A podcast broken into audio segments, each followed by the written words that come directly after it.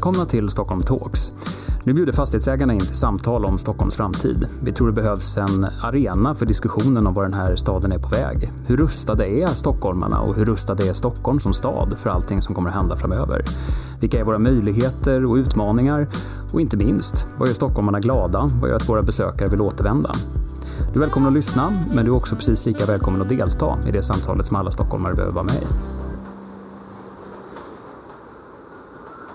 Välkommen till ett nytt avsnitt av poddserien Stockholm Talks som är Fastighetsägarna Stockholms samtalsserie om just Stockholm, om eh, fastigheter och byggnader och om allting spännande som händer mellan dem.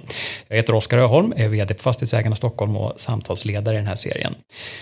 Vi har ju i många avsnitt av den här podden pratat och ofta kommit in på just platssamverkan. Vad händer när olika aktörer som finns runt en plats faktiskt samverkar med varandra och samarbetar och, och vad kan hända på en plats med den typen av samarbete. Idag tänkte vi att vi skulle dyka ner lite grann i precis den typen utav resonemang och exempel. Och vi ska göra det med ingen mindre än Karin Göransson som är verksamhetschef för Järva Fastighetsägare sedan lite drygt en och en halv månad. Varmt välkommen till Stockholm Talks. Tack snälla. Jag har kollat upp lite din bakgrund sådär. Eh, du får rätta mig om jag har fel, men du har läst geografi, teknologi, eh, social hållbarhet på Stockholms universitet. Eh, du har drivit eget som konsult inom bygg och samhällsanalys, gått vidare till urban utveckling och stadsplanering. Det låter lite skräddarsytt om man ska jobba med, med platssamverkan. Har det varit planen hela tiden att det här var, var det du ville hålla på med? Nej, det var inte alls planen, men det blev så. Ja, vad var planen?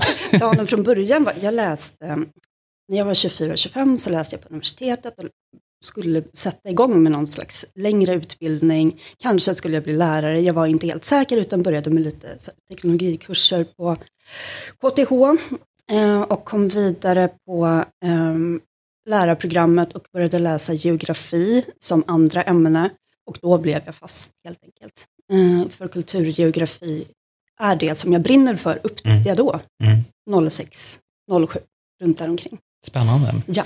Och sen har du varit nu, ja, men, ganska ny i den här rollen, men, men jobbat mycket i, eh, i olika just BIDS-projekt som man säger egentligen ändå, mm. ja, men i över tio år, eller hur? Ja, Nej, men jag började 2013 så började jag som projektledare i Fastighetsägare Järva och Skärholmens Fastighetsägare. Mm. Och där jobbade jag mellan 2013 till 2018, även med när Hässelby Vällingby Fastighetsägare, där jag också är verksamhetschef idag. Mm. Um, när det startades upp 2017 på initiativ av Svenska Bostäder. Mm. Om man ska börja liksom spjärna upp lite grann vad, vad det här handlar om, för det är ju väldigt lätt att slänga sig med termer utav att ja, men det, det är bra med samverkan och samarbete på en plats och, och man pratar om BID som begrepp och nu, nu introducerar det ju som, som verksamhetschef för Järva fastighetsägare. Vad, vad gör man då 9 till 5? Vad är liksom uppdraget? Omöjlig fråga att ja. svara på. Uh, varje dag ser annorlunda ut, men om vi ska börja med liksom själva organisationsformen BID, det är alltså Business Improvement District. Det här är ett sätt att samverka fastighetsägare emellan som liksom uppstod i New York på 80-talet, vilket många säkert har talas om. Och sen är det ett sätt att arbeta som appliceras på väldigt många olika geografiska platser i världen. Både, alltså man hör ju att det finns kommersiella förtecken, Business Improvement District, och det var så man började i Bryant mm. Park bland annat i New York. Eh, där man hade mycket vakanser i lägenheter och kontorsplatser runt omkring och sen så ville man samverka kring den här platsen för att göra den tillräckligt trygg, säker och attraktiv för att mm. människor skulle vilja spendera tid där. Så det var så det började. Um, sen kan man ju använda sig på olika sätt. Vissa länder använder sig av en lagstiftning, det gör vi inte i Sverige. Mm. Här jobbar vi med en ideell förening. Och de båda föreningar där jag är verksamhetschef, Fastighetsägare Järva och Hässelby Vällingby Fastighetsägare, där är våra medlemmar eh, fastighetsägare av olika slag. Det är både kommersiella fastighetsägare men eh, kommunala bostadsbolag som ofta initierar de här föreningarna och är lokomotivet i själva processen. Sen har vi även BRFR och SISAB och Mikasa med specialfastigheter som är mm. medlemmar också. Om man tar just den, om man går rakt in på en av de så här känsligaste frågorna i, mm. i där, för du, du, nämnde ju det att i Sverige finns det ju ingen lagstiftning som tvingar med alla i ett sånt här samarbete och det, det, gör det i en del andra länder. Mm. Där finns det ju olika uppfattningar om hur det brukar vara. Vad, vad är din liksom, bedömning av den modell vi har i Sverige där det mer bygger på ja, men frivillighet att vara med i de här samarbetena? Ja, men det har ju funkat väldigt bra. Om mm. vi ser tillbaka på vår statistik och historia och ser på till exempel vid Gamlestan som har nått fantastiska resultat, men det är en förening som har funnits i 20 år mm. och där även marknaden i Göteborg antagligen har gjort sitt. Då. Eh, men där man har arbetat intensivt och aktivt under väldigt lång tid liksom, med de här frågorna kring trygghet och trivsel. Mm. Eh, det har ju gett goda resultat. Och andra bidföreningar som till exempel Fastighetsägare i Järva som funnits sedan 2007, där har man också nått väldigt goda resultat. Så den formen av arbete funkar ju. Men jag var tidigare verksamhetschef i Tryggare Väsby, där det är en förening som har funnits i två och ett halvt år, så det är en ung förening. Men strukturen i Väsby, centrala Väsby, som var ett av våra, liksom, som ingick i BID-området, eh, det geografiskt avgränsade området som vi bestämde oss för att jobba med samverkan inom då. Där är det 40 stycken olika bostadsrättsföreningar. Mm. Så det blir en helt annan struktur att arbeta med. Det är inte de här stora bolagen. Liksom. Ja, det, ibland kan jag tänka mig lättare, alltså, det finns ett stort dominerande bostadsbolag ja. och får man vara med dem så har man med en ganska stor del. Men hur, hur gör man då för att här, ena alla dessa viljor? Och, liksom, så här, hur säljer man in att nu, ska vi, nu vill vi att ni är med och både ägnar er tid och kanske ibland också en del eh, resurser liksom ekonomiskt för att mm. vara med här. Vad, vad, är, vad är din säljpitch? Säljpitchen är ju lite komplicerad då, men alltså, vårt långsiktiga mål är att öka fastighetsvärdena. Mm. Och det gör vi genom att jobba för trygghet och trivsel i våra områden. Och det handlar om att vi ska ena fastighetsägare, alltså medlemmarna då som vi har, kring en gemensam målbild och en samsyn på vad vi behöver göra inom vissa områden och sen så få med eh, kommunen på det också. Mm. Främst. Och många andra aktörer givetvis. Men det här är våra våra huvudsakliga samarbetspartners är ju eh, både polis och eh, stadsdelsförvaltning eller kommun. Mm. Om man tittar på, på den här typen av projekt, de, de som inte då vill vara med, för det, skulle, det är ju ibland motargumentet som man hör, mm. att skulle det finnas någon lagstiftning som det gör i en del andra länder, då skulle man liksom kunna tvinga in alla lite grann i det här. Hur, eh, hur får man med de här sista på, på vagnen som känner att ja, men det är väl ett kul projekt, men jag, jag har inte tid eller jag, jag vill inte prioritera det här. Hur, hur jobbar man med den sista marginalen. Nej, men vi har ju medlemsnyttan, konkret mm. och tydlig medlemsnytta. Och det ser ju olika ut i olika föreningar också. Men som till exempel i Väsby, där jobbade vi med en klotterentreprenad, så alla medlemmar var anslutna till en klotterentreprenad som ingick i medlemskapet. Mm. Och då får man alltså då har man tillgång till en leverantör eh, där man anmäler avvikelser och klotter och det är sanerat inom 24 timmar, kartlagt och polisanmält. Så det var en tydlig tjänst och en tydlig medlemsnytta. Mm. Det ser annorlunda ut i Järva, där jobbar vi med bevakningsbolag liksom, som vi mm. tillhandahåller till våra medlemmar och så vidare. Men där har vi också platssamverkan som du var inne lite på. Um, för ofta finns det ju centrala punkter i våra olika stadsdelar som är av största vikt för både de som bor och verkar i området, men även för liksom, besöksnäring, näringsliv, hela den biten. Mm. Och att de är väl fungerande underhållna och attraktiva platser är av intresse för alla. Mm. Oavsett om du är liksom en stor centrumägare eller om du är en mindre BRF. Visst är, eh, jag tänker just, det kokar ner i platser till slut som mm. vi alla har en, en relation till på olika sätt. Och en del av de som du nämner är ju ja, men det blir ganska uppenbart att om man, man åker till en stadsdel och man är kanske om det finns ett stort så här, centrum med butiker, att så här, det är en plats som måste fungera, alltså, knutpunkter i kollektivtrafiken är väl ett annat sånt där uppenbart exempel. Om du skulle ta några sådana här, finns det några typ av platser som man kanske inte tänker på som om det inte funkar där eller blir otryggt där, då, då, då får det liksom följdverkningar eller exempel på sådana platser ni har jobbat med? Ja, och nu vill man ju inte hänga ut någon heller. Nej, exakt. det får bli diplomatisk. Men jag tänker att en klassiker som alla vet om, det är ju Kista busstorg till mm. exempel. Man har jobbat med i tio års tid, om inte längre. Um, och där är en sån här tydlig knutpunkt som människor upplever som otrygg, medan den samtidigt är K-märkt på olika sätt och det är liksom ett stort flöde av människor. Men det finns också andra aspekter utav det. Uh, den är belägen alltså Kista busstorg är beläget under själva Kista galleria.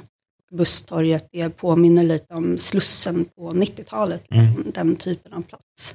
Och det är sånt som man kanske inte tänker på som liksom en vanlig medborgare, men som både fastighetsägare och eh, kommun så blir man ganska mån om att den här platsen ska vara trygg och fungera för alla som använder den, alla som har en relation till platsen. Mm. Och då egentligen ja, men jobba med alla de parter som kan, kan påverka detta på mm. olika sätt oavsett ja, om det är... och alla som har ett ansvar. Mm. Och det är många. Mm. man, man tänker liksom att det ska vara fastighetsägare och att det är SL och att det är liksom lite olika aktörer, men det är många fler än så som är mm. berörda av det här arbetet. Du nämnde ordet ansvar. Man ska, jag tänker att en svårighet ibland är väl just att definiera vem har ansvar för vad. Om man, man tittar på, eh, blir det ibland diskussion eller konflikter mellan om man tänker så här att ja, men här, här kan fastighetsägare göra mer och ta ett större samhällsansvar som vi vet att många vill göra. Eh, och samtidigt att det finns andra delar som är så här, det här är en renodlat offentlig uppgift som kanske ja, men kommunen eller polisen eller socialtjänsten vad, vad det kan vara. Blir, blir det ibland diskussioner om var, var går gränsen eller hur, hur jobbar ni med det? Ja, absolut. Och det handlar mycket om att så här, ja, men polisen måste vara här mer. Mm. Men som fastighetsägare kan du göra väldigt mycket i dina egna fastigheter innan man kopplar på någon annan och mm. peka på någon annans ansvar. Mm. Men sen så handlar det också om att samverka kring de här eh, delarna och att hitta kompromisser på olika sätt. Det är det som det handlar om. Mm. vi behöver inte göra på det traditionella sättet att alla sköter sin bit. Utan vi kan, vi kan få synergieffekter av vårt samar våra samarbeten. Om du skulle ta något så här riktigt bra exempel för att, att ge lyssnarna också ett, en bild av vad är, det, vad är det man gör i praktiken. Om du, nu, det kanske är svårt mm. efter en och en halv månad från Järva, men jag tänker i, kanske i, i Tryggare Väsby eller så här, men här, här, är, här är en plats som på riktigt har blivit, eh, som du var inne på, tryggare, säkrare och mer attraktiv på grund av, av ett sånt här samarbete. Vad skulle du, skulle du ta för exempel?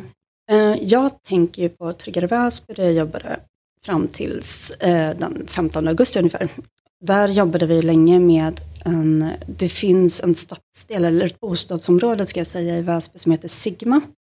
Eh, som har socioekonomiska utmaningar och där man som kommunalt eh, bostadsbolag, Väsbyhem, då vill satsa extra. Så vi jobbade med en strategi för det finns ett centrum med liksom närservice och så vidare som de här mindre centrum, centrumen brukar innehålla. Um, den strategin vi hade var liksom att vi vill jobba för att lyfta in kulturen i det centrumet. Och man lyckades till slut få till att Väsby konsthall, som är ett ganska erkänt namn, mm. liksom både i Sverige och globalt dessutom, um, att, man lyft, att man uh, bjöd in dem till uh, de lokalerna som fanns i Sigmo centrum. Och det här blev väldigt lyckat när de flyttade in. Det skapade helt nya flöden, det skapade en helt ny liksom, besöksgren på, för Sigma. Mm. Och då ville vi möta upp det på utsidan också, jobba med de yttre miljöerna. Sigma är ju väl omhändertaget och det är trivsamma miljöer, men det fanns ju ytterligare liksom kvaliteter som de kunde mm. koppla på. Så då tog Tryggare Väsby då, Väsbyhem och Be Urban tog fram ett förslag för mötesplatser och med integrerade ekosystemtjänster som mm. vi skulle ha på liksom, baksidan av Sigma centrum. Det är lite fel att säga, men det är ju en här klassiskt eh, trafikseparerad stadsdel med flerfamiljshus. Mm. Där tog vi fram ett förslag eh, kring hur det skulle kunna se ut och sökte pengar ifrån Boverket, Gröna trygga samhällen. Och det förslaget, eh, vi, fick, vi fick det stödet. Mm. Förslaget genomfördes faktiskt så att det byggdes upp precis så som vi hade tänkt. Men det var ändå man, man, eh, man behövde också en typ av extern finansiering för att få till det helt enkelt. Ja, precis. Mm. Och det är, jag tror att man måste tänka utanför boxen på det viset också. Att man kanske behöver extra medel. Att, inte, mm. um, att det behöver något extra, att man behöver um, få ett tillskott liksom, för att mm. de här um, platsutvecklingarna ska liksom, fungera långsiktigt också. Och då finns det en del medel att söka. Mm. Jag tänker, du, du var inne på det här, du nämnde att det är ett område som är trafikseparerat och, och liksom sådär. Hur, hur, hur mycket skiljer sig den här typen av projekt beroende på hur, hur stadsdelen rent fysiskt är byggd? Kan man se liksom några mönster av att att det är svårare där, där det rent fysiskt finns massa hinder för hur flöden av människor fungerar? Eller är det enklare att jobba i en miljö som är mer av liksom öppna kvarter? Eller kan man lära sig någonting, tänker jag, så här, hur, hur man ska bygga trygga och säkra och attraktiva stadsdelar? Ja, det där är ju många bottnar, för både trafiksepareringen kan ju vara väldigt trygg om man är en småbarnsfamilj till mm. exempel, att det är tydliga gångstråk där man vet att det inte åker bilar. Men tra trafiksepareringen har ju varit ett jättestort problem också. Det blir inte särskilt tillgängligt och folk åker där de inte bör åka. Och det innebär en risk å andra sidan för andra boende. Eh, så det finns ju givetvis problem av olika slag. Mm. Jag har ju jobbat i miljonprogramsområden för det mesta. Eh, och det är liknande utmaningar överallt. Även om varje plats har liksom sina lokala förutsättningar så är det ju liknande problem. Mm. Ja, vi har busåkning på gångvägarna. Ja, vi har uh, flyttbilar som backar in på bostadsgårdarna mm. där det inte ska vara. Nej, ja, och så vidare. Mm. Uh, så det finns ju både uppsida och nersida med uh, liksom strukturen. Mm. Och sen så vet ju, det alla är ute efter är ju liksom de här sociala flödena. Alltså tryggheten sitter ju mycket i att det är människor på olika tider av dygnet och då mixade grupper. Liksom. Hur mycket är, man, man tar de där frågorna, för ibland brukar man ju prata om skillnaden mellan vad som är Alltså vad som är en upplevd trygghet och mm. vad, vad, som är trygghet. Det är lite, man kan göra det på lite olika sätt. Man kan titta på statistik, hur brottsutsatt är ett område. Men, men en del kan ju vara just där om jag ska gå en, en gångväg hem som är illa upplyst och liksom, att den känslan av otrygghet kan, kan vara ett lika stort problem. Alltså, mm. är, är, det så ni tittar på det också eller hur jag, gör man? Jag tänker på ett exempel i Kista som är en av stadsdelarna som liksom ingår i Fastighetsägare Järvas arbetsområde. Där är man ju väldigt, man vill ju jobba mycket med tryggheten och den upplevda tryggheten. Och då har vi funderat på, kan vi jämföra statistik? Liksom? Till exempel en man är väldigt mycket mer utsatt och egentligen um, utsätter sig för större risk om man spenderar en lördagnatt på mm. Stureplan mm. Mm. än vad man gör om man uh, spenderar en lördagnatt i Kista företagarområde, för mm. där är tomt på människor. Mm. Men den upplevda tryggheten baserar sig på att det är människor runt omkring dig mm. som ser dig. Men det, det, är väl ett utmärkt exempel på just att den upplevda att om man, om man vet att det kan hända saker men gör det det så kan jag få hjälp snabbt. Ja, För med ett precis. område där man tror att händer det någonting här då är jag on my own. på något sätt. Ja, mm. Hur är det med, nu, nu pratar vi väldigt mycket om så här, man, man, ska få med kommunen och polisen och fastighetsägare och så här. Hur, hur involverar man liksom boende i, i, på platser där man gör sån här samverkan? Och, eller gör man det på ett tydligt sätt från början? Ja, så våra, vi har ju medlemmar som är bostadsrättsföreningar också. Mm. Och det tycker jag är en jättestor tillgång till föreningen, att få det perspektivet. För jag åker till Järva, jag jobbar där mellan ja, åtta och fem i princip.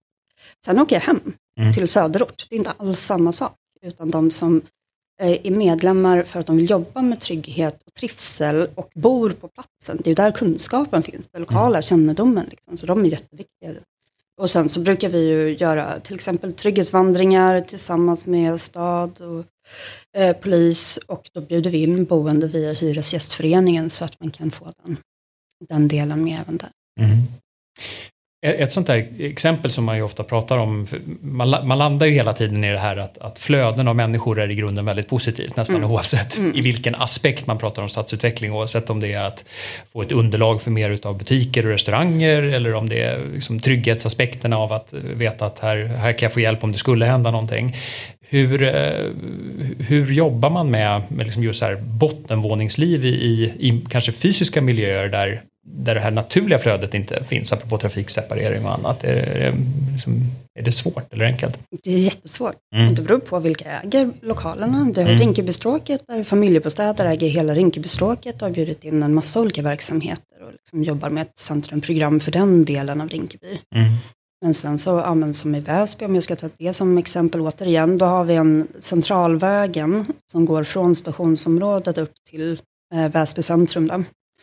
Där är det ju, som jag nämnde tidigare, bostadsrättsföreningar som äger bottenvåningarna och lokalerna. Och det är byggt 2005 eller runt det året tror jag att man beslutade sig för att Väsby skulle bygga stad. Mm. Och då har man fokuserat på att bygga väldigt mycket så som det ser ut här inne i Stockholm. Mm. Att man vill ha verksamheter i lokalen. Men eh, det finns ju olika förutsättningar då. Det beror på vad man har för näringsliv och eh, så ska det ju vara en schysst helhet också. Mm. Och det kanske man inte har kompetensen eller möjligheten att genomföra om man är en bostadsrättsförening. Mm. Där tänker jag att där kan ju också en fastighetsägarförening vara till hjälp att sy ihop bra, liksom, fungerande och balanserat eh, centralt stråk mm. med de verksamheter som man är sugen på.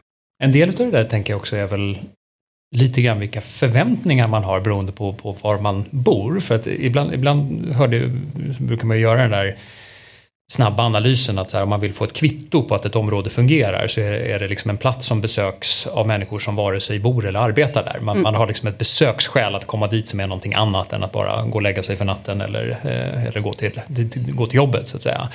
Samtidigt så kan det ju vara så att människor ibland vill flytta till ställen som jag vill ha lite lugn och ro här hemma. Att man har, om man liksom bor mitt inne i, i centrum i en stad då, då, då, är man ganska förberedd på att här är det liv och rörelse och det händer saker. Mm. Och sen så kommer man till en plats där det, där det händer saker men man vill egentligen ha lugn och ro. Jag tycker att ett sånt där intressant exempel är ju alla skriverier som har varit kring problematiken vid Hornsbergs strand. Eh, mm. Med, mm. med å ena sidan eh, såklart mycket bus som man har försökt stävja på olika sätt. Men å andra sidan också så här en effekt av att man ville ju bygga en plats där dit människor skulle komma som vare sig bodde eller ja, hur, hur, hittar man en sån balans? Ja, men det där är jätteintressant tycker jag också. För om man ser på Hornsbergs strand, jag tänker att det är ju Stockholms Miami Beach. Att mm. vi inte tar tillvara på den liksom, kvaliteten ändå som inte är, det har vi ju inte på så många andra ställen mm. egentligen.